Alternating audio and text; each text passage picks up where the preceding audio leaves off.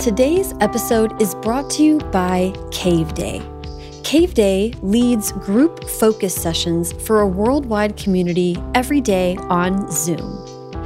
Okay, so Cave Day is amazing. Basically, you sign up for a three hour window and you log on to the Cave Day Zoom and join a group of other people led by a Cave Day host to get three work sprints in during that three hour window. The trained guide, your Cave Day host, leads check ins, gets you into deep work sprints, and helps you take energizing breaks. You, as the participant, do not know how long the sprints are going to be because the goal is for you to get into flow and outside time. I joined a Cave Day sprint recently, and I have to say it was really fun to share with my breakout group what my goals were for the day because it wasn't just uh, it wasn't just a bunch of other authors. I love writing with my author friends, don't get me wrong, but there was something really nice and motivating about hearing that other people were building websites or designing for a client. It was kind of a great way to mix up my usual way of writing and uh, to get motivation from new people that I met. Members of Cave Day report that they get two to four times more done in the cave. And because Cave Day is awesome, they're giving first draft listeners the chance to try a free three hour cave with promo First Draft. That's all one word and all caps, First Draft, at caveday.org slash first draft. So be sure to go to caveday.org slash first draft and use promo code first draft, all caps, all one word, and try a free three hour session. You have literally nothing to lose and a whole lot of words to gain. That's caveday.org slash first draft and use offer code first draft. This episode is brought to you by Revision Season. Revision Season is a seven week virtual master class in revising your novel, led by Elana K. Arnold, author of Printz Honor winner Damsel and National Book Award finalist What Girls Are Made Of, and more. Each week, Elana will send a video lecture and a transcript, followed by a series of assignments designed to help you put the week's lessons into practice. A weekly live call, which is recorded if you need to listen later, gives writers the opportunity to ask specific questions. And a private, moderated forum provides a space for revision season writers to connect with and learn from each other. Elana has been writing and teaching writing for many years, and her approach to revision is holistic. In a way, this course is kind of a two for one, because, as Elana says in her welcome lecture, you can't get into revision without getting into writing. So, revision season gets into the questions of why we write at all and helps participants get clear about the core beliefs that inform the stories we tell. Over the course of seven weeks, Elana's approach with revision season seeks to not only actually get into the weeds of the manuscript that you bring to the class, but to enrich and deepen your relationship with revision so that you can move into the next phase of your journey as a writer with more confidence. After going through revision season, you'll have Elana's framework, and you can use that in all your future projects in any order that works for you. I am lucky enough to be taking revision season for the following session, which begins on September 20th. And Elana has already sent me my zero week packet that came with a video lecture, a transcript, and three assignments I can be ready for when the course begins. If this sounds right for you, there's still time to sign up for the next series of revision season, which begins on September 20th. Students who enroll before September 1st get $100 off the price of the course. Learn more about Elana and revision season and sign up for the course at elanakarnold.com.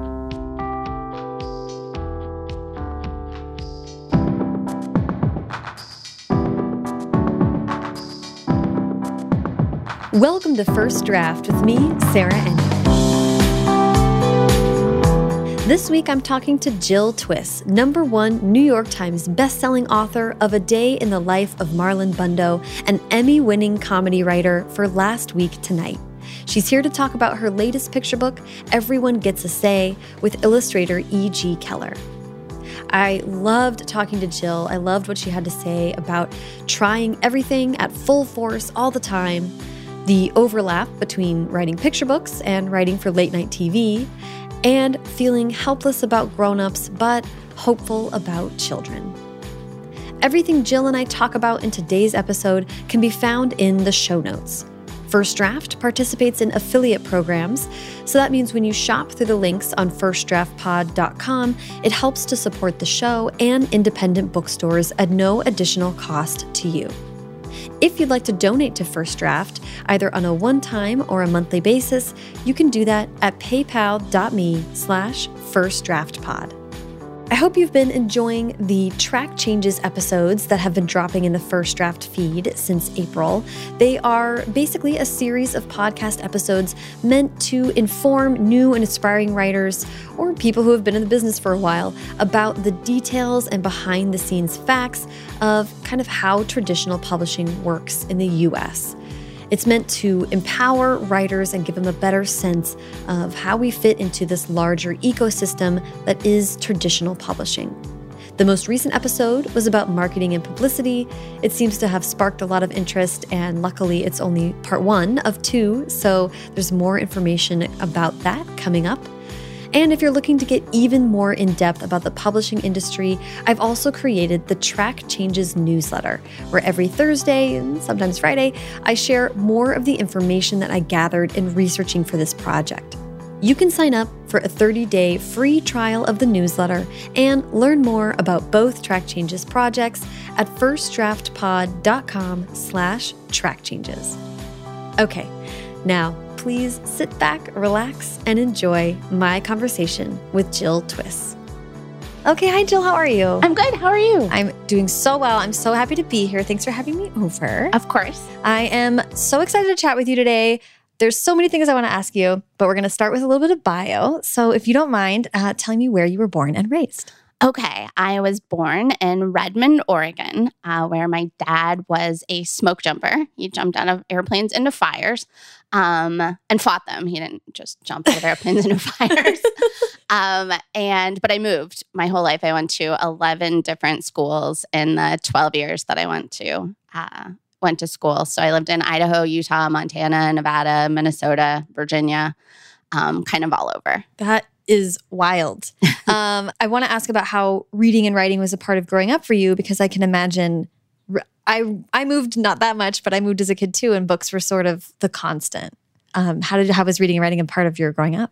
I think that's definitely true for me. I think I read that actually, it, it sounds like I'm 400 years old. I'm not. Um, but I lived in places at times where you couldn't get TV. Oh. So yeah. I yeah, it was uh, like I lived in, my dad worked for the Forest Service. And so we often lived in places that didn't necessarily have even grocery stores or things like that up and you know up until i was like 10 years old. Um, so books were kind of how i watched tv and i think they still are for me. I read and did read everything. I would read my dad's fishing magazine. When i finally moved to like a real town and discovered the library i would check out literally 25 books at a time because I just, it felt like a thing that was so magic that I couldn't believe it was true. And I was like, as soon as they figure out this racket, they're not going to let me do this anymore. So I better get in all the books I can before something happens. Um, so yeah, I think I read like in quantity, maybe more than quality. Um, but that. it was, it was just the first thing I did every day, the first thing I did every time I moved. I would find a bookstore or a library as soon as I moved to places that had those. That's amazing. I love that. And and was uh, there any? This is kind of pre college age. Um, were you doing any creative writing for yourself? Not really, other than in school. I realize now. I think like a big theme of my life is like I was secretly always a writer, and I never had any idea, none. In so many ways, that was how I dealt with things. I remember like it's strange that I ended up later, spoiler alert, writing for television because I remember like telling people, oh, like I know how to get an A in classes. You just read what the teacher writes and then you copy their writing because they obviously think their writing is very good. So if you just copy what they do, then you will get A's. And I now go like, oh, you were just writing for a TV show. like in your childhood, but I never realized it. It wasn't a big thing I did. It was just I used to like write sto- this is in college but i would like write stories and just post them in like the dorm bathrooms. That was just like how i coped with like the weirdness of college. When i got dumped i wrote a novel that i never showed anyone and yet it was like well into adulthood before i was like what if i'm a writer? I think it was a world where literally everyone in my life knew I was a writer years and even decades before I did. That's so funny. Okay, but let's talk about what you did get into, Sure. which is performance. Yes. Um, I did. I want to ask about comedy and performance, but I'm wondering if they kind of developed together, or how did you kind of get into that and and find a voice for yourself comedically? Sure. I have been if if there is a theme to my life, it is that I like try everything at full energy and force and like see what pans out. So in college, um, my major was political science, but then I also had a major in music. Um, I was a, a clarinet player. My major was clarinet, but I never intended to be a professional clarinet player. I thought I was going to go to law school, got accepted to law school, and then kind of had a panic just to I sort of went, uh, oh, I think I would love law school. I don't think I would love being a lawyer. And I saw this sign that said touring children's theater. And I didn't know or think about the fact that you could audition and not get in something. So I was like, great, I'm going to do that. And I went and auditioned and luckily did get in and went on tour with a theater company for maybe a year and a half and ended up saying, well, if I'm going to do this, I might as well do it in New York because if you're going to do a thing, do the biggest version of that thing and see if you can do that. So I moved to New York to be a musical theater actress.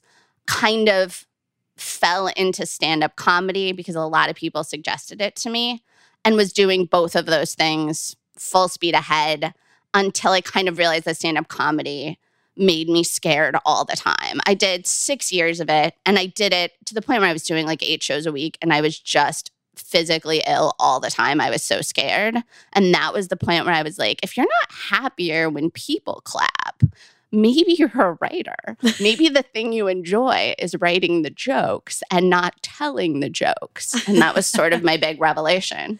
I'm interested in you forming your comedic voice. I'm interested in people around you suggesting that you try comedy. Like, do you feel like um, I think about you moving around a lot as a kid and uh, how humor can sometimes be a defense mechanism or a way to fit in or I mean how did you how did your comedic voice kind of come to be? Sure. I don't know, but I think a lot about why people are funny or what makes things funny. And I was never a class clown person. I was never particularly loud or fun, to be honest. But what I always was was an outsider, not in a sad way for me. I, for the most part, enjoyed moving and going to new places. But I think one way um, or one kind of comedy is observing what is weird about the human condition. And it's really hard to see it when you're in the middle of it. But I was never in the middle of it. I was always on the outside. So I think it was always a thing where I was able to observe what's weird about the world. I remember, I, I feel like this was the first joke I wrote, and I was like five years old. And I literally used it in my stand up comedy routine when I was like 28. This joke is not going to go over well, but I just to explain, I remember like saying to my dad, like, how come the best hunters are the ones that shoot the biggest animals? Shouldn't those be the easiest ones to hit? I think the best hunters should hunt bees. Um, and it was just a way of going like things are weird. Stuff is weird I and I feel that. like we don't acknowledge it. And that's just kind of a thing you have as an outsider. I still will go to a football game and go like, "Why are they doing the wave?" I never have that moment where I, I fit in and go like, "I love doing this thing everyone else is doing." I'm always going, "Why are we doing this?" That's so that's really yeah, I think that's a good way to encapsulate what a lot of great comedy is. And yeah, and that's that's that's an interesting different perspective on having moved around a bunch.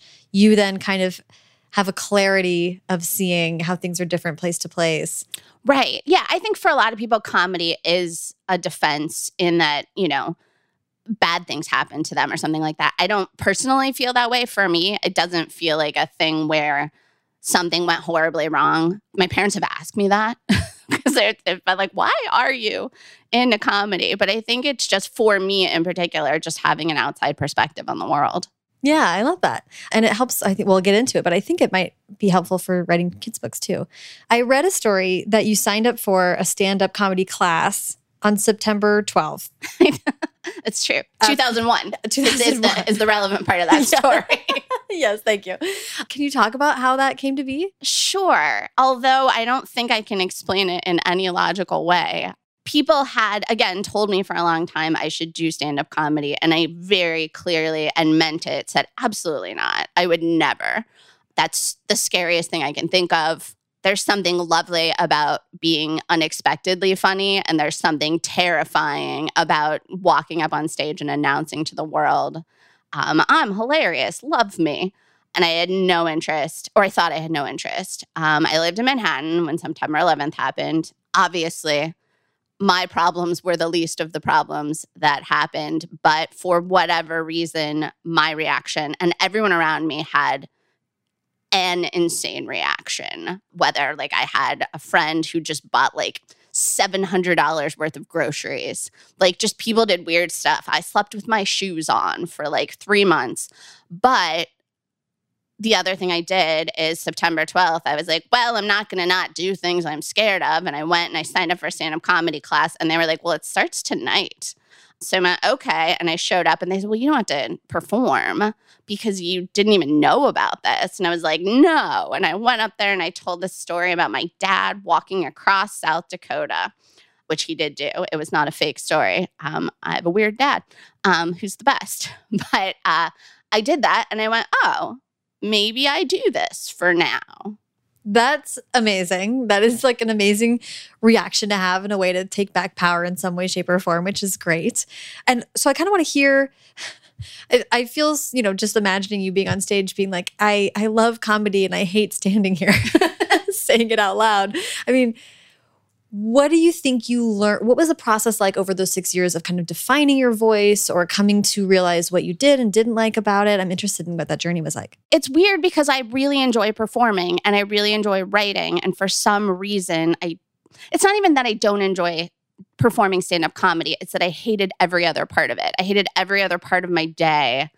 And the only part where I was calm was maybe the part where I was doing stand up comedy. But that's not great.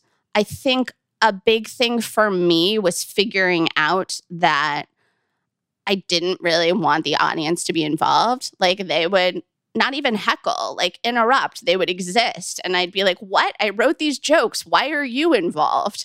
And that's a pretty good sign that you're more into the writing than you are into the you know into the idea of having that audience there for you. I make myself sound like just a horrible person. I was perfectly nice to my audiences and i did have a good time. It's also just at some point you do have to say to yourself like there's not even the potential of health insurance here. Like I'm a pretty I'm a I I enjoy working. I enjoy having some idea like how I'm going to stay alive. And it's not so much that I needed complete security, but just looking ahead and going, the best case scenario in the entire world is that I sell out theaters and at that point, I still don't have some guaranteed version of anything in order to have health insurance, for example. This was before Obamacare.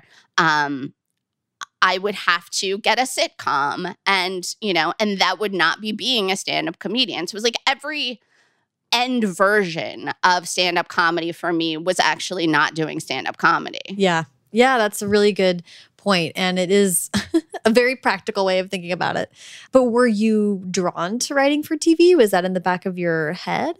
It wasn't only because I didn't know it was a thing. It didn't occur to me that I had, you know, these options. I didn't know these jobs existed. It eventually became a thing as I got into the comedy world and I realized like, oh, late night is a thing that I would enjoy. And I remember not knowing I didn't have an agent. I had no idea how to get into it. And I remember seeing an article about Conan, I think it was about Conan writers and how they wrote their monologue jokes, where they would get, I'm sort of making this up, but this is about what it was that they would get to work at like 9 a.m., have a meeting or something, look at the news, and then from 10 to 12, they would frantically write monologue jokes and they'd turn in their first set at noon. And I would go, Well, I can do that.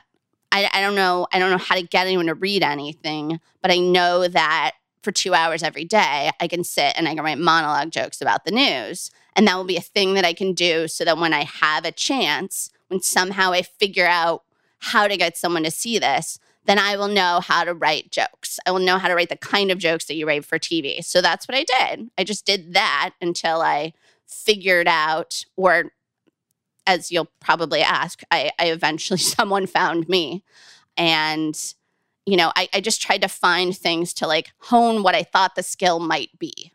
That's amazing. I love that this is like a degree of self teaching um, and commitment, right? And kind of proving to yourself, like you said, like not doing anything halfway uh, is, I very much admire that. Yeah, I think it's just I, I like to have a plan. I like to have a thing I can do. And I also like to work very hard. I think I am at my least stressed when I have a lot of work to do and somehow just like waiting to be discovered is a really really stressful thing for me. Yeah that it is. And well i mean not to be uh not to expose myself too much as a total control freak but that's what that's what it strikes me as it's like well in those oh, moments yeah. if you're waiting you don't have control and that is a terrible feeling. It is and some people deal very well with it but i'm always like well let's just have like a plan. Let's have 47 projects going, and I don't know which one's going to be the thing. And like maybe musical theater is going to take off, but also I would like to be ready. I think that perhaps I'm good at writing jokes, and I would like to know how to do it on purpose about things that don't inspire me, you know? So let's force myself to learn how to do that in case I am ever given the chance. Yeah, I love that. It's also uh, I don't. I'm not sure how long you did that exercise, but um, and I'll and I'll ask about this when we get to actual actually writing mm-hmm. jokes for six years. But there's some degree of proving to yourself that uh, you don't uh, not to be precious about what you're writing, right? Like it's a re uh, what's the word I'm looking for? Renewable resource. That's such a good point, and I think like such a great thing to tell newer writers, or not even newer writers, but writers that aren't doing it as a job even having done all of that, to skip ahead just a little bit, when I started at last week tonight, I would think of it like, oh, I found the joke. I did it. I won. Like, here was the setup, and then I found the joke, and then they'd be like, great, write 10 more. And I would be like, no, I feel like you don't understand that I have, in fact, found the joke. so, like, why would there be more jokes? I did it, I found it. And a thing you learn quickly is like, you can write infinity jokes. You really can. It's at times exhausting. It's at times like not at all fun, but you can learn to write jokes as a skill and to to realize that the goal isn't always to choose the first joke or the funniest joke. Sometimes the goal is to choose the joke that most makes the point you want or choose the joke that someone else wants to tell. And that's not your problem. Your problem is to generate jokes about the things you need to generate jokes about. Yeah. Um, well, let's get to uh, to last night or last week tonight. Um, how did it come about? It's a very unique story for you, I think. Sure. Yeah. It's a really cool situation where a lot of things came together. I will tell the slightly longer version just because I think it's really interesting. Um, I was, while I was doing musical theater and while I was doing stand up comedy, I was a standardized test tutor. I tutored SATs and ACTs and LSATs because I was a really terrible waitress. Um, I did that for like three weeks in New York. I was like, whoa, I'm a great Midwestern waitress and a really bad New York City waitress. Maybe I need to find another job. And I happened to tutor a kid whose mom worked for Letterman. And he did really well, thank goodness, on the test. And so I had the nerve to ask his mom if I could submit a packet. And she said, Yeah, I can get them to read it this was not too long before the show ended. So I think she knew it was not going to work out. But I asked everyone I knew if they knew anyone who could read over my stuff first. And so I was introduced to a woman named Laurie Kilmartin, who is and was, I think, even then a writer for Conan. And I sent her some stuff and she said, This is great, send me more. And I sent her more and she never spoke to me again. And I went, oh, I guess that I'm very bad at this. I did send the Letterman packet, never heard anything about that. Cut to honestly, probably five years later. And I got an email from a woman named Nell Scovell, um, who was the co writer for the book Lean In with Sheryl Sandberg. She was a writer for The Simpsons. She uh, created Sabrina the Teenage Witch. And it said, I've been just some version of like, I've been looking for women who need to be writing for television. I've asked around. I asked a woman named Laurie Kilmartin if she knew any women who should be writing for TV, and she immediately said your name. So it turned out Laurie had not thought I was terrible. She just didn't have any way to help me until she did. So now, so I said, yeah, I, all I want is to write for TV. That's exactly what I want. What's going on? How do you do that? And Nell said, I can, I can't get you a job, but I can get your stuff read. That's all I can do. But that's a thing that I want to do to help if you have stuff. And so I wrote a packet. She she told me about a job at Last Week Tonight with John Oliver um, and I wrote a packet for it. Can we just pause of course. with that part to say Sure. this was when last week was being like developed, right? Because it wasn't on air yet. Right. The show didn't exist yet. Okay. Um, and then what is in a packet? What kind of things are you putting together? It depends on the show, of course, but the whole point of a late night packet is that you are generally writing it specifically for the show. Um, so when you're writing for narrative television, you usually can write like a pilot that's your thing and just send that out to all the shows. That's not true for late night. For late night, they really need to know if you can write in the specific voice of the host. So every show will have its own requirements, and there's a good chance you're going to have to write a new packet every time you apply for a show. Um, so what they're asking for is what what they think the show will be. Generally, you're going to write some monologue jokes. For most shows, you'll write some sketches. For this, some of it was guessing what the show was going to be because they didn't know and I didn't know. And it was just to write a couple of pieces that I thought would be good on a show he would do. Yeah, which is so interesting. And obviously, uh, you must have been familiar with John Oliver from. The Daily Show. Um, and he does have a kind of a distinct voice, not just because of the British accent, but but his comedy has a particular kind of bent to it. I mean, how did you prepare for that? And how did you did you read it to yourself in a British accent? What did you do? I don't think so. It's very weird how good of a fit it was because I didn't have any idea what I was doing. I think a lot of it is that there is a lot of overlap between our voices. Weirdly, uh, we we don't have a lot in common. I think another part of it though is that yes, I'm doing his voice, but also he was doing my voice at some point. You know, when you get to come in at the beginning of a show, you get to shape the voice a little bit. So I would like to think that, you know, those of us that started to and and those of us like people that are currently working there, he adopts a bit of their voices too. And so it was it was kind of a collaboration, but I think I remember wanting to write comedy about South Sudan and going, well, I'll just do that. And now I look back and go, that was insane. Why would I do that? And coincidentally, it turned out to be something that was relevant to the show, but I didn't know that. It just, there was a real overlap in the kinds of things we wanted to write comedy about. yeah. Well, and you said that you went to school for political science too. So it seems like Right. Yeah. In college, I interned in the Senate. In high school, I interned in the House. I, for a while, very much wanted to get into politics. So politics has always been a big interest of mine. Well, that certainly helps for this particular show. Yes. So I'm interested in whatever you can can speak to about developing the show. I'm so interested in. I remember when last week came out, and it was like this very new thing. It was HBO. It was once a week. It was. We were all like, "What's it going to be?" And you were on the ground ground floor with that. Like, what what was the process of deciding what the show was going to be like? I can't speak too much to uh to any of the specifics of the show just because that's not my place. But for me as a writer, a big thing for me was learning how to write on purpose. I went through a lot of like I never drank coffee before I started writing comedy for money. I went through a lot of like, oh, what are some tricks I can do to get three more jokes out of me? Uh, and that that I feel like was the first like two years of my life writing comedy professionally was just going like, well, if I write on this couch and then I switch to a different couch, my body will think it's a new day, and then I can get out four more jokes. And that worked. it works.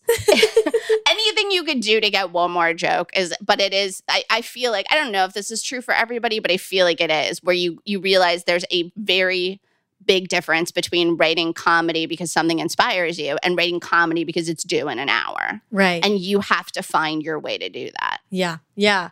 Uh, um, which is like a superpower. I I feel like when you can kind it's a of skill though. It really is. It's a thing that you can learn um, but it's a lot of trial and error and it's a lot of asking other people i think like what do you do when you don't have a joke and you know that a joke has to go here? Literally what do you do? When you sit down what words do you type? How do you keep typing? Yeah, it's uh, so interesting. But I'm so interested in, and I'm I'm so grateful to talk to people like yourself who have had these kind of unique success um, trajectories because I'm interested in how it impacts your life.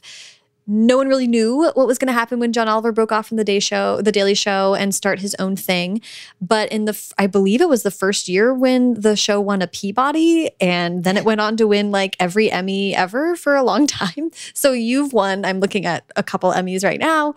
I think you've won some with the show. It just had an amazing response, and people really connected with it right away. And I'm really interested in how that impacted you and whether you felt pressure. I mean, what was what was it like to have that response? Um, entirely surprising for me. I can only speak for myself. Thrilling just in the way that, like, honestly, mostly for my parents.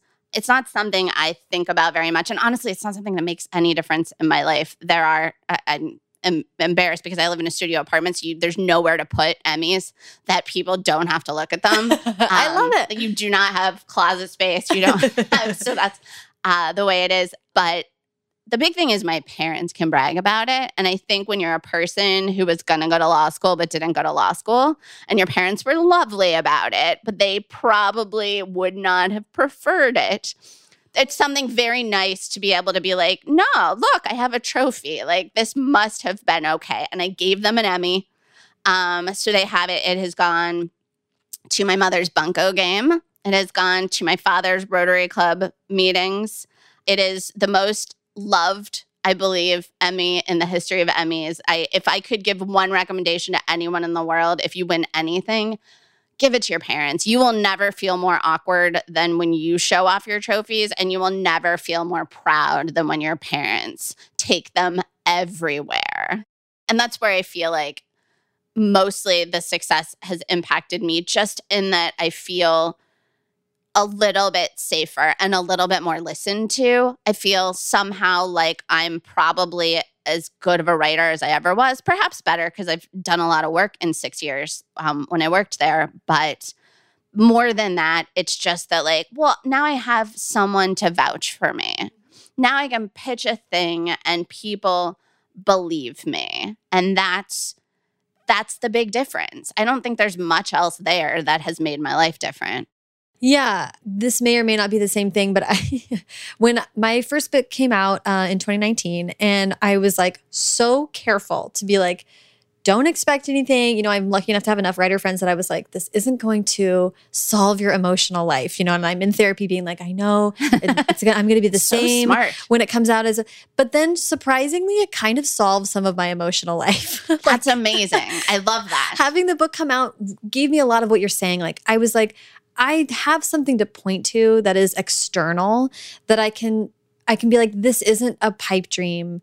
I haven't been lying to you about how I've been spending my time. I really have been doing this, and and just to have something manifest, I think calmed down a really anxious part of my brain and body, which was unexpected because everyone had been like, you know, you whatever, don't don't put too big of a stock in it. But like you're saying, it's like this vouches for me in some way. Like, Right. And I think that that's nice to have if you have that option. I think perhaps especially as a woman, there there are a lot of not necessarily all men, but there certainly are a lot of people out there with arbitrary confidence. And there's there's something really nice about going when when I because I do regularly, and I mean regularly, like at approximately 3 p.m. every day, go, oh my God, I am a terrible writer. Like I can't I, I always joke about this, but it's very true. I will go, did I write a joke or a sentence? what even is this right now? And it happens every time I'm like five hours into writing anything. And I suddenly go, I'm very bad at this. And I would happily tell the world, like, I don't know, I can't write anything. And and that there is just this tiny, tiny external thing that goes, No, you must be able to do this. Like you must. You can't have tricked everyone this long. Right. So there's a good chance that as terrible as you feel right now, you're going to go to sleep and tomorrow you'll go, oh, yeah, maybe I can write. Maybe that was a joke. Or maybe it was a sentence and sentences are okay. I love that. Um, well, yeah, that's, uh, it's very cool that you got to be a part of something so unique and special, like building this really fantastic thing that gave a lot of people a lot of sanity when they, they Oh, needed good. it most. So I was just speaking for myself. Oh, Um, I want to talk about Marlon Bundo. Great. First of all, can we just talk about how did you just who is Marlon Bundo and how did you learn about him? sure. Marlon Bundo is our actual vice president, Mike Pence's actual bunny. Um, Is the only endearing thing about the Pence family is this they buddy. have some good pets with some good names, and that's not nothing. It's almost nothing, but it's not nothing. And I have a personal obsession with good animals with good names. I love naming animals. I have had a Google Doc on my computer for years just called Good Names for Animals, and I don't have any pets. So I have always been very into good animals with good names. So of course I was very into Marlon Bundo, who had and has a very good Instagram. Um, and at one point, I saw a press release that said that the Pences were writing a book about Marlon Bundo, and I felt. Uh, and this is embarrassing, like weirdly territorial. Like somehow I deserve to write that book, which is objectively insane. Um, but nevertheless, I was like, no, they don't get to write a book about Marlon Bundo. I want to write a book about Marlon Bundo. So I sent an email with a pitch. Why don't we write a book about Marlon Bundo? And weirdly, uh, my bosses said, okay. And we had a quick meeting that was just the question of should this be an actual children's book or should this be one of those sort of adult books that's like parodying, like looking like a children's book? like go the F to sleep or whatever the right. Yeah. Exactly. And we kind of thought, like, why not make it a real children's book? And that was as far as we got. And I left the meeting with no assignment or anything. And I just kind of went, you know what? It's a lot easier if they have something to look at. It's a lot easier if I write something and they go, oh, oh, now that we see that, not that. You know, now that gives us a better idea what we want. It's like, you know, if someone says, like, should I get this shirt or this shirt? And then you go, I think you should get that shirt. Like the minute you say it, they know what shirt they really wanted. Or they're like, no, I don't know what you're talking about. I always wanted the other shirt. I, I, I thought that was what would happen. So I quickly wrote a story. We we kind of had always known that uh, Mike Pence is has always been uh, pretty anti-gay marriage, pretty anti-gay adoption, and so I knew and uh, and my bosses knew that we wanted Marlon Bundo to be gay, as the real Marlon Bundo obviously is of course. and I truly believe. And so I just went and wrote a book and I sent it to them that night, just going like, eh, I just wanted you to have a thing so that you could have some idea what you didn't want. And they went, oh, we'll publish that. And that was, we, you know, probably changed several words, but very little. I now know, having published books since then, that this is in no way at all how books get written. it is absolutely not how they get published, but it is how that book got published. yeah, this is such a unique story and such a such a like kind of a beautiful uh, anomaly, right, in, in kids' books. But I I truly love that this picture book that went on to be enormously successful. It took all of like a day to kind of come together. Right. It is. If, if I could recommend anything, it's a thing I just railed against, which is arbitrary confidence. The idea, the thing that I was most sure about is that no one would ever read it. And that made it very, very easy to write. Nothing has ever been that easy since. You know, I now have written two more children's books, and they were truly agonizing in every way. But that one, because I was so sure that the first thing that would happen is they would go, like, obviously not this book. It was very easy. It was it was a breeze. I looked at some kids' books, and then I went, like, what would I, if I could say anything, what would I love to say? And I just wrote it, and it was easier than anything I've ever written. and That- will ever write again. that is amazing. It also is very sweet and very fun. Um, I really, I highly recommend, and I'll link in the show notes to the New Yorker review comparing the actual book that the Pences did go on to publish. Uh, and Mar- a, a Day in the Life of Marlon Bundo is your book, and his is something about Marlon Bundo and the Vice President. But Right. the New Yorker review of it is wonderful. She has high praise for your beautiful book, and then is also like, this other book is a real drag. okay, so now we're at the stage where you've pitched this story idea. Your bosses are like, "Yeah, let's do it." You wrote the book, and then what happens next? What was the what was the publication journey to get to the end? I don't know most of it um, because, again, very different than publishing uh, a book in the traditional way. I have since learned. I know that I pitched it in probably October and the book came out in March, which is, I am now fully aware, not at all how books happen. But we looked, I believe, at some portfolios and chose an illustrator who uh, is uh, um, a lovely, incredibly talented guy named E.G. Keller. And he also, I now know, is incredibly fast because he had to do those drawings so quickly. And then it just went straight to getting printed, I think. Um, I think that we have a version where there's a like a couple of misplaced commas Oh, that funny. didn't get fixed until the second time around. But everything was a guess. We didn't have any idea how many might sell. It was also a big secret. Mm-hmm. So that was a big part of it. I couldn't tell anyone. I actually signed with an agent entirely separately from the book because I couldn't tell her I had that book. She was basing it on a young adult novel that I was looking at writing and I'd written a sample chapter for. And she's like, Yeah, I want to sign you. I think you're great. And then I had to call her the night before it came out and say, like, I'm so sorry, but I need you to know that I have a book coming out tomorrow. and I can't tell you anything else, but uh, I'm really glad that you liked me before this. yes. Um, uh, oh, I definitely want to get into the, that your very unique agent journey. Um, but I, I mean, I, that of course happens with an extraordinary circumstance like this that the publisher is able to do what they need to do to get it going. But in the case of Marlon Bundo as well, when the book did like its like Beyonce drop of suddenly being in the world, it was also featured on the show that night Yes. and then like rocketed. I mean, what was that experience like? Did you guys have any idea of what the response to it was going to be like? we had, I mean, I assumed someone would buy the book because, you know, my boss at the time, John Oliver, is incredible.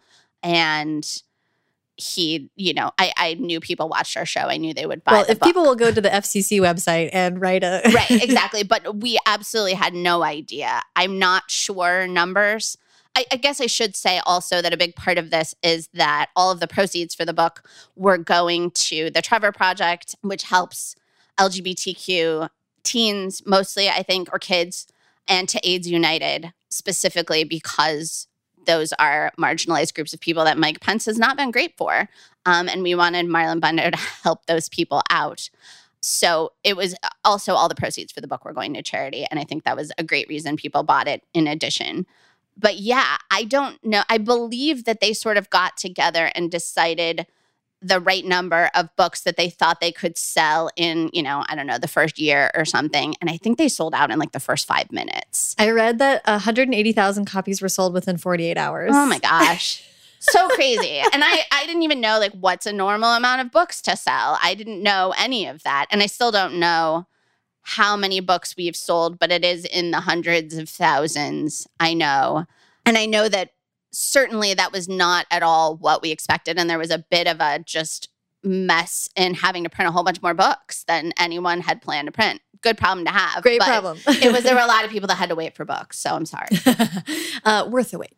Uh, so let's backtrack and talk about the fact that you were already sort of having conversations with a literary agent about this YA book. I'm interested in how that came about and what was you had kind of had books on the mind. It seems like at this time. Yeah, I mean, other than my revenge novel, books are. I, I guess if I had known or really thought about the option of writing books, I would have wanted to do it. It was, as we said, like a thing that I did in my spare time. Just not really thinking about that that could be a career for me. And as I started to get a little more clout, I started to figure out like, oh, I could just asked to do the things I want to do. This is a tiny tangent, but like one thing I did is I've always been obsessed with the National Spelling Bee. And one day I was like, well, they have comedy sentences in that spelling bee when I watch it on ESPN. Someone writes those, and I just contacted them and was like, I would like to write for your spelling bee. And they said, okay. Um, and that was, it was sort of like a big moment for me of going, whoa, what are the things I want to do? And let's see if there's a chance I can do them. I ended up hearing about, and, and I ended up not writing this book, so I'm not going to be very specific about it just because it doesn't seem fair. But a publisher that wanted a specific kind of young adult novel. And so I asked to meet with him, and he said, Great, write a sample chapter. And I wrote a sample chapter, and he's like, Great, I would like to give you a book deal you have to get an agent. This is not something we will let you negotiate by yourself. And good, I good said, for them. yes.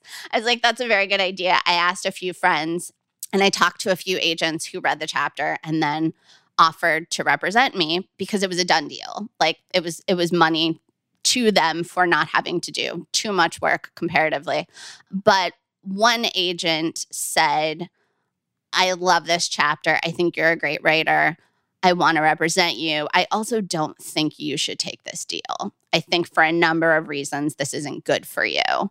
I want to work with you anyway. I want you to write another book, but I don't think this is the best choice for you. And I left that conversation and went, I think I want to work with that lady. Um, she seems to, not that I felt like other people were just in it for the money or anything like that, but she seemed to, from my writing, have a real interest in my career and what was good for me.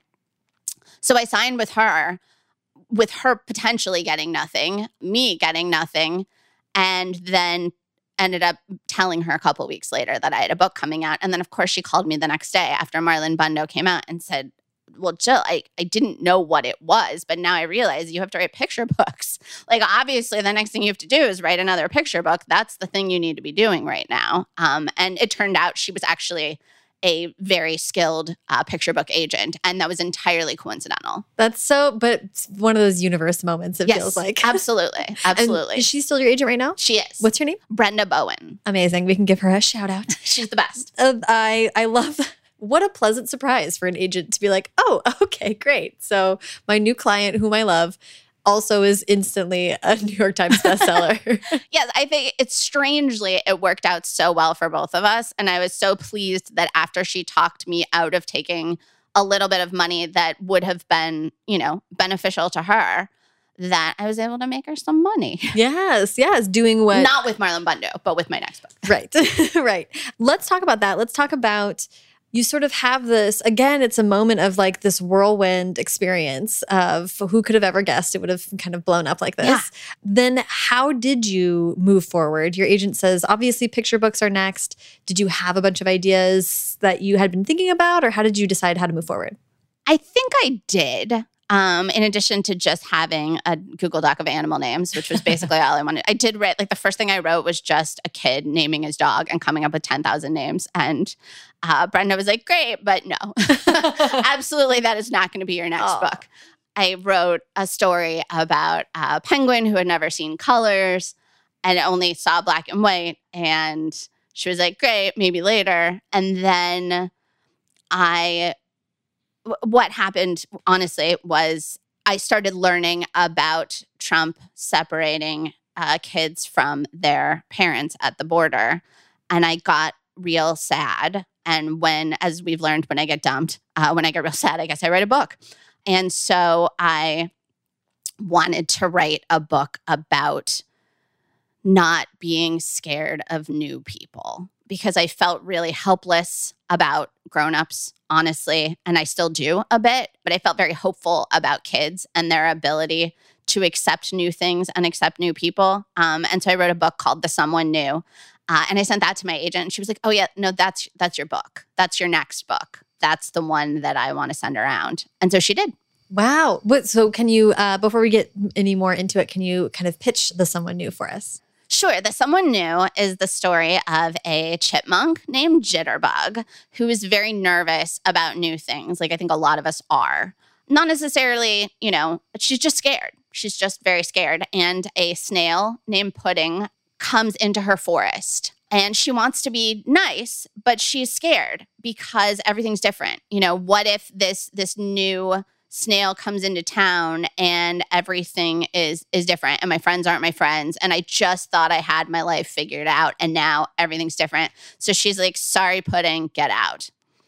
And jitterbug's friends uh, who are some otters named duffles and nudge and a butterfly named toast and a goose named geezer kind of give Jitterbug a little talking to and and the lesson that she needs to learn is that new things can be scary but that kindness is stronger than fear and not to spoil the whole book you never felt dumber than when you're expl- explaining the plot of a picture book to a, an adult It's a unique pitch. Yeah. yeah, it's a but uh, but luckily uh, Jitterbug comes to her senses and asks Pudding to stay and they become very good friends Oh, I love it.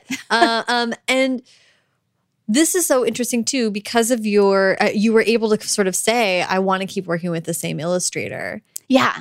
Which I didn't know, of course, was not normally a thing.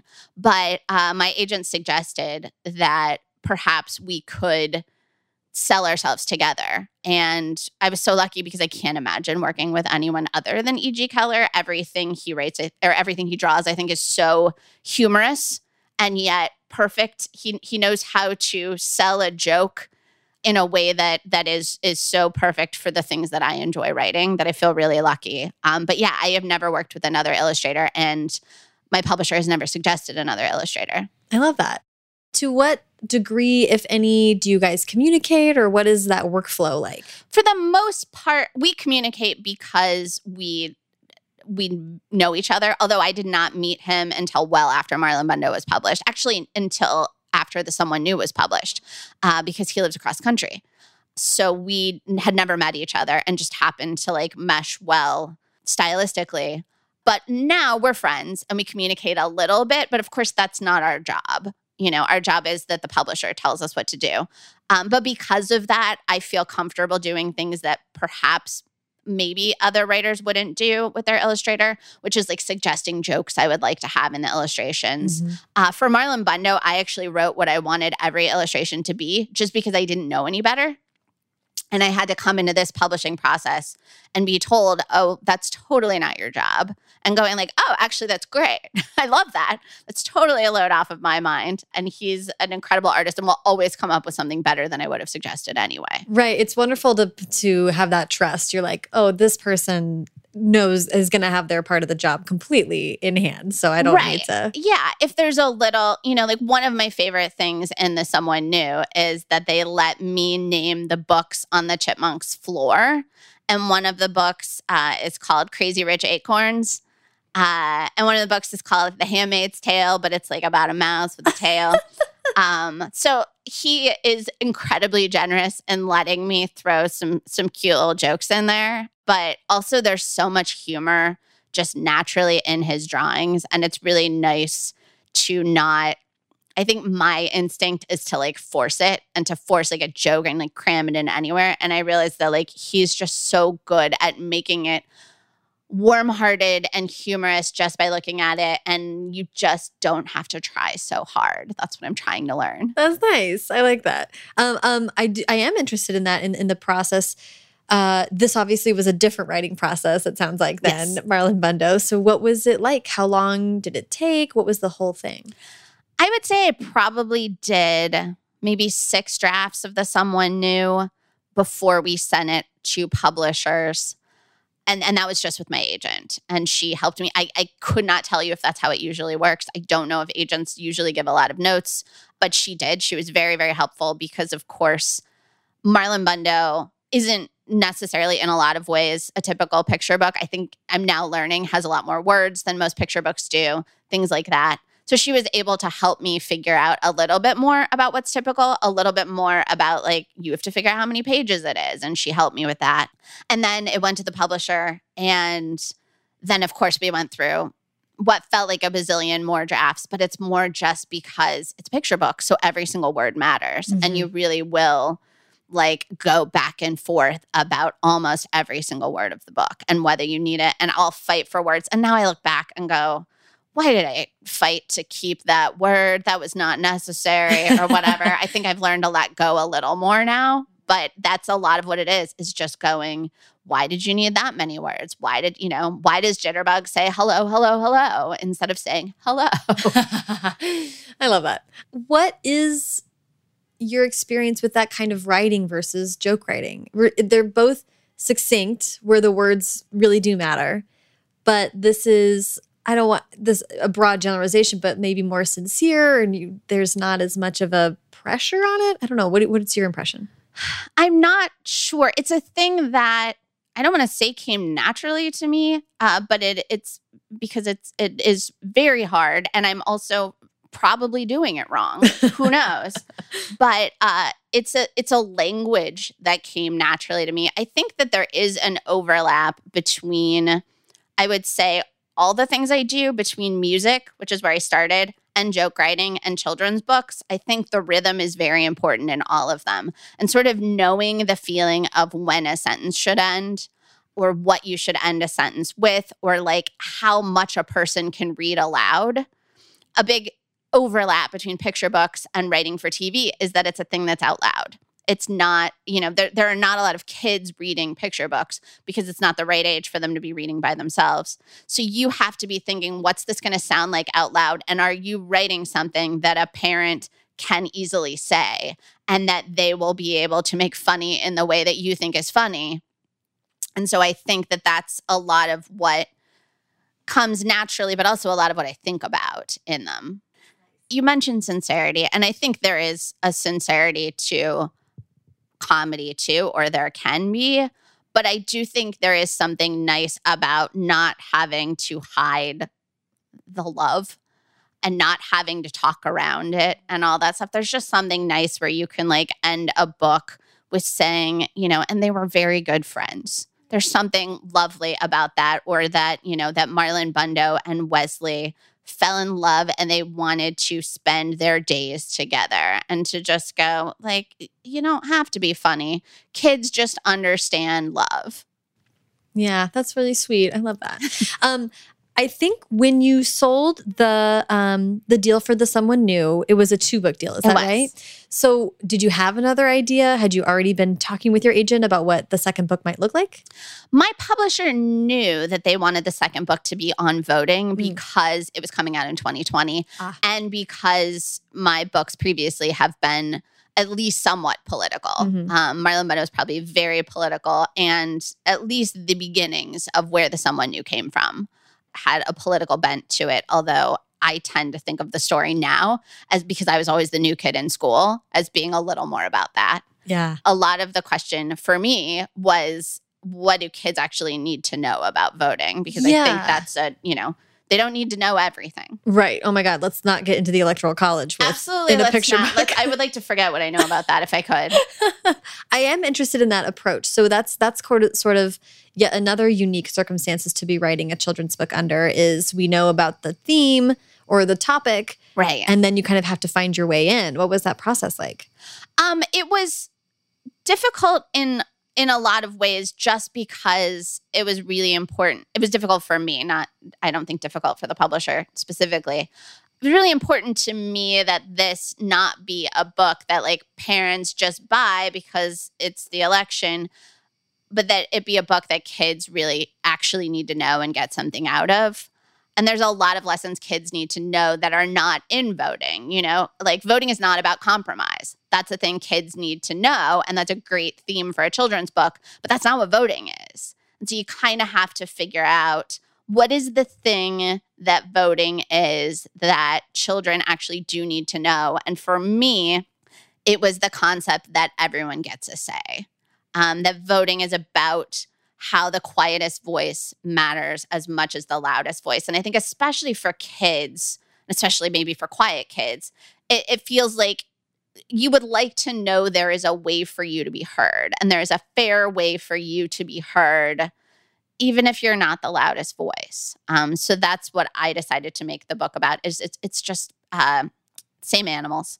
They are trying to make some decisions and they know they need a leader but they don't know how to choose a leader. You know, should it be the tallest animal? Should it be the fluffiest animal? Should it be, you know, the one that can fly? And then one of the animals has the idea like, what if everyone gets a say? What if we all get the same say? And that's how we make our decisions. Yeah, I love that. And and just to be clear, it's called Everyone Gets a Say. Yes. Uh, it's coming out. I, it'll be out today, uh, which is exciting. I love that you chose to stick with the same kind of world and get to, you know, we get to revisit Toast the Butterfly, my favorite. Yes. Was there any talk about doing a whole new thing or did you know you wanted to stick with the same people? This was uh, the way that they decided in the initial contract was uh, two books with the same characters. They met the characters for the someone new, and they knew they wanted another book with those characters. Yeah. which was exciting for me. Yeah, that's great. A lot of room to, you have a whole, a whole cast already Yes, yes. there. So in the book, you do use a lot of words that aren't vote. You do kind of talk and and it's so, you know, this is like one of the things that's so great about kids books is they make you as an adult reframe things. And like you said kind of get back to uh, maybe a little bit of an outsider view or like kids are so wonderful because they're they're new to the system. So often they'll be like what? This doesn't make any sense. And you're like you're right. Yeah, yep. so what but but I'm interested in like specifically kind of the vocabulary of this being so poignant now in this moment. Like vote means one thing to us and we kind of use it without thinking but you really are getting into like leadership and values and what does it mean? You know i love that you're saying it's not compromise. It's one time where you get to just say i believe in this thing and i'm going to stand up for that right now. Right. i mean i don't know how did that I, this is not a question. It's kind of just like what was it like to play with those words and think about those things? It is really interesting to me when perhaps I'm a little nervous about democracy right now. Uh, and Not- you're not alone. yet don't want to pass on that fear to a bunch of children.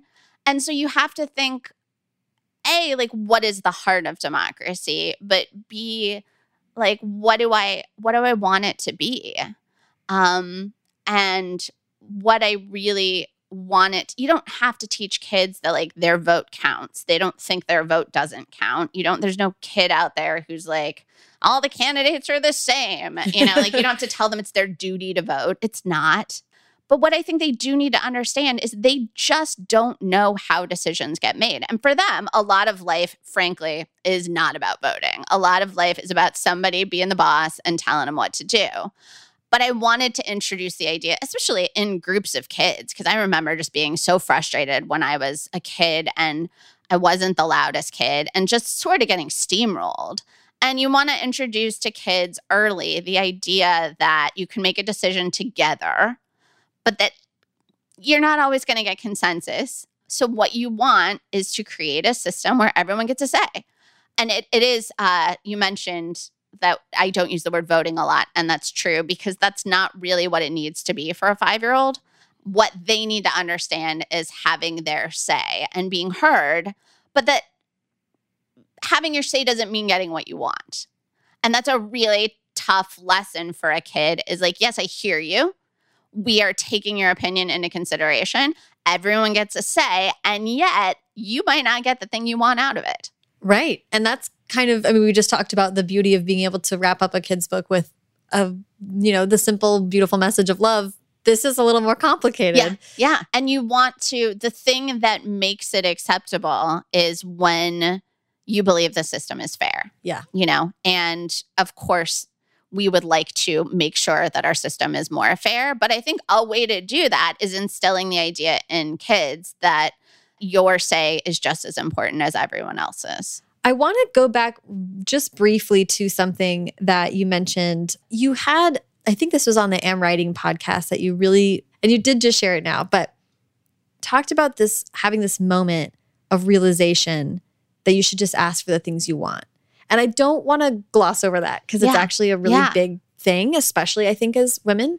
So I, I don't know. I just would love to hear more about that, about what it was like to realize that and how you've kind of uh, integrated that into your creative life. Sure.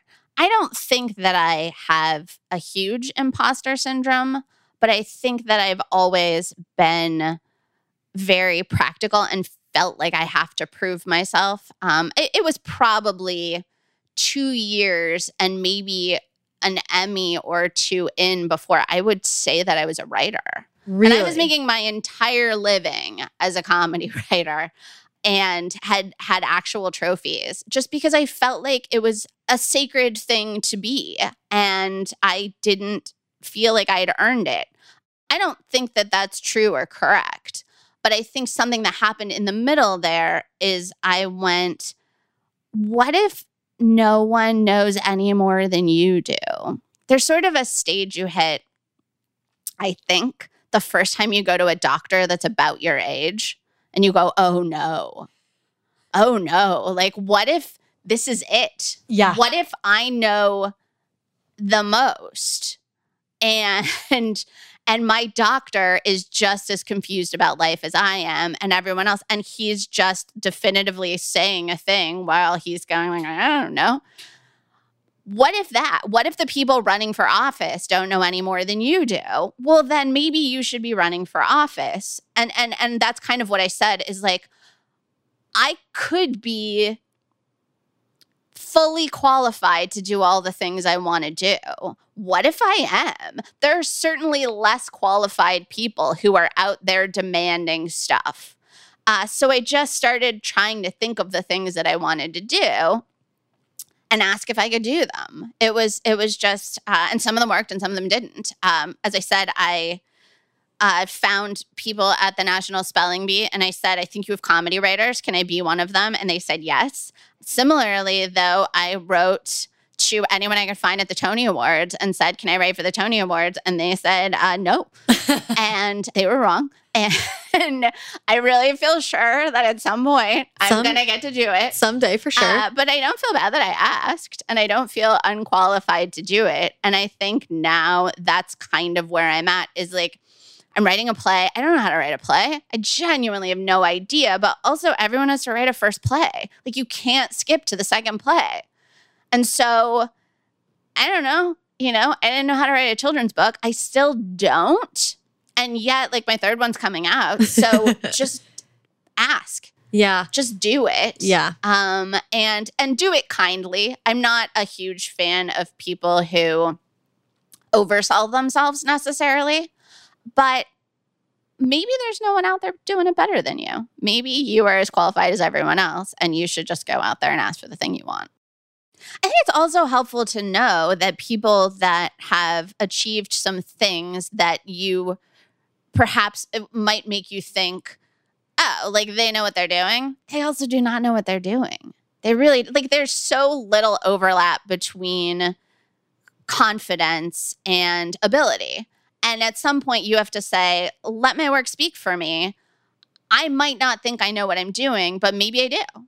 Yeah. Maybe I do, or maybe I know as much as anyone else. Yeah, I love that. Uh, uh um, I like to wrap up with advice. Great. I guess I'd really love to hear from you. Um, for someone interested in like honing a voice. I think writing comedy really takes a kind of a good understanding of like perspective and voice. And I guess I'd just like to hear any advice you'd have for someone who's kind of trying to think that way or, or broach into comedy. Sure. I think that I'll speak specifically to late night just because that's what I know about. A lot of what I did was I would watch late night shows or I would I think there's even something you can subscribe to to get like the best of late night jokes sent to you. And I would either write down the jokes or look at the jokes in writing and I would try to replicate them. A lot of times I would read the first sentence of the joke and try to write the sec- second sentence of the joke. And some of what you're going to figure out there is that there's people whose voices you do better than others. I might not do, you know, Conan's voice as well as I would have done John Oliver's voice. Or maybe you're a person that can adapt to all of them. That's something I do. The other thing I think a lot about, and we just we touched on this a little bit, but I think literally just exercising the muscle of having to write is a huge difference between your very funny friends who write very funny things on Twitter and your very funny friends who consistently write very funny things on Twitter because they force themselves to write even when nothing is funny. And for me, a lot of what I had to learn was just how to sit down and have a setup and know that I had to write a punchline for it and that I didn't get to look for another setup.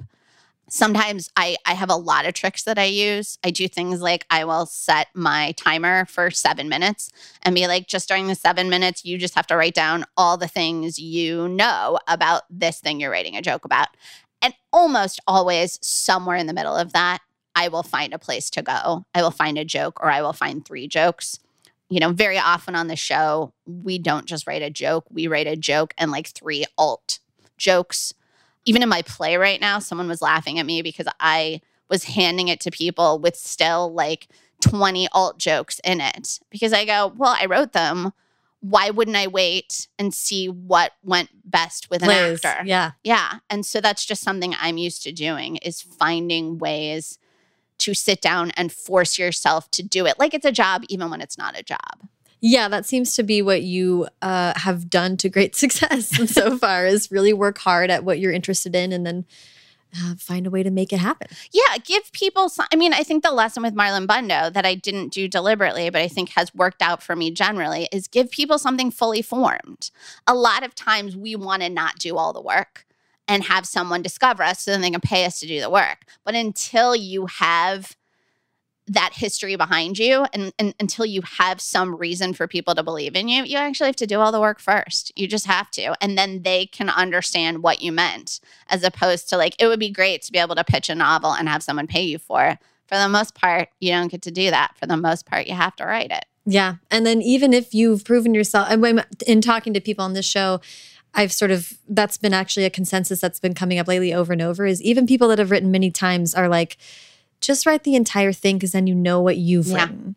And then you can talk to people who are going to help you make it an actual final book in a much more clear way. And it's like puts you in a position of a little bit more power because you know what your book is, um, as opposed to being like, I sure as heck know what these three chapters are. right no that makes total sense to me and it's exhausting oh boy. but also a lot of times the time you would spend pitching is a time you could have spent writing It's true. Um, if you have the option of pitching things and selling it, do it. Do that. Absolutely. But if you are going, I just want someone to see my stuff, make more stuff. Yeah. Make more stuff, put it in a place where people can see it. I love Ask that. people for help. It's okay. But but offer them something as far as like you've done a lot of work before you ask them to put work into it. Mm, I love that. Yeah, this is all like amazing, amazing advice is and very um hope inspiring, I Oh. think. yes. Um, Jill, this has been so fun. I hope that uh we can I I want to come back and talk about any of these I would love projects that you're talking about. so let's talk again soon. Okay, thank you so much. Thanks. Thank you so much to Jill. Follow her on Twitter and Instagram at Jill Twiss, and follow me on both at Sarah Enni and the show at First Draft Pod. A quick and easy way that you can support First Draft and track changes is to subscribe to First Draft wherever you're listening right now and leave a rating or review on Apple Podcasts. First Draft was recently named one of Apple Podcasts' top 25 podcasts for book lovers, and I am so thrilled about that. I want to thank everyone who left ratings and reviews to draw attention to the show and make that possible. And last I checked in with you guys, we were at 298 reviews. Well, we have crossed the threshold. We're at 301 as of today, and I'm so excited about that. I'm going to read one of the reviews that launched us over the top. This one is from a fave, uh, a fave username, Books Bitch. I'm in my head reading that in a very Britney voice. Books Bitch says, in depth goodness, great questions and conversations. Love, Sarah. I love you too. Um, thank you for taking the time to leave that review and rating on Apple Podcasts. It, as I said before, super duper helps get the show some attention and love and gets us in front of new listeners. If you have writing or creativity questions that me and a guest can answer in an upcoming mailbag episode, I'd love to hear it. You can call and leave that question at First Draft's voicemail, 818 533 1998, or you can record yourself asking the question and email that to me at mailbag at firstdraftpod.com. Haley Hirschman produces First Draft, and today's episode was produced and sound designed by Callie Wright. The theme music is by Dan Bailey, and the logo was designed by Colin Keith. Thanks also to transcriptionist at large Julie Anderson. And as ever, thanks to you, Elks Lodge Emmy Boasters. For listening.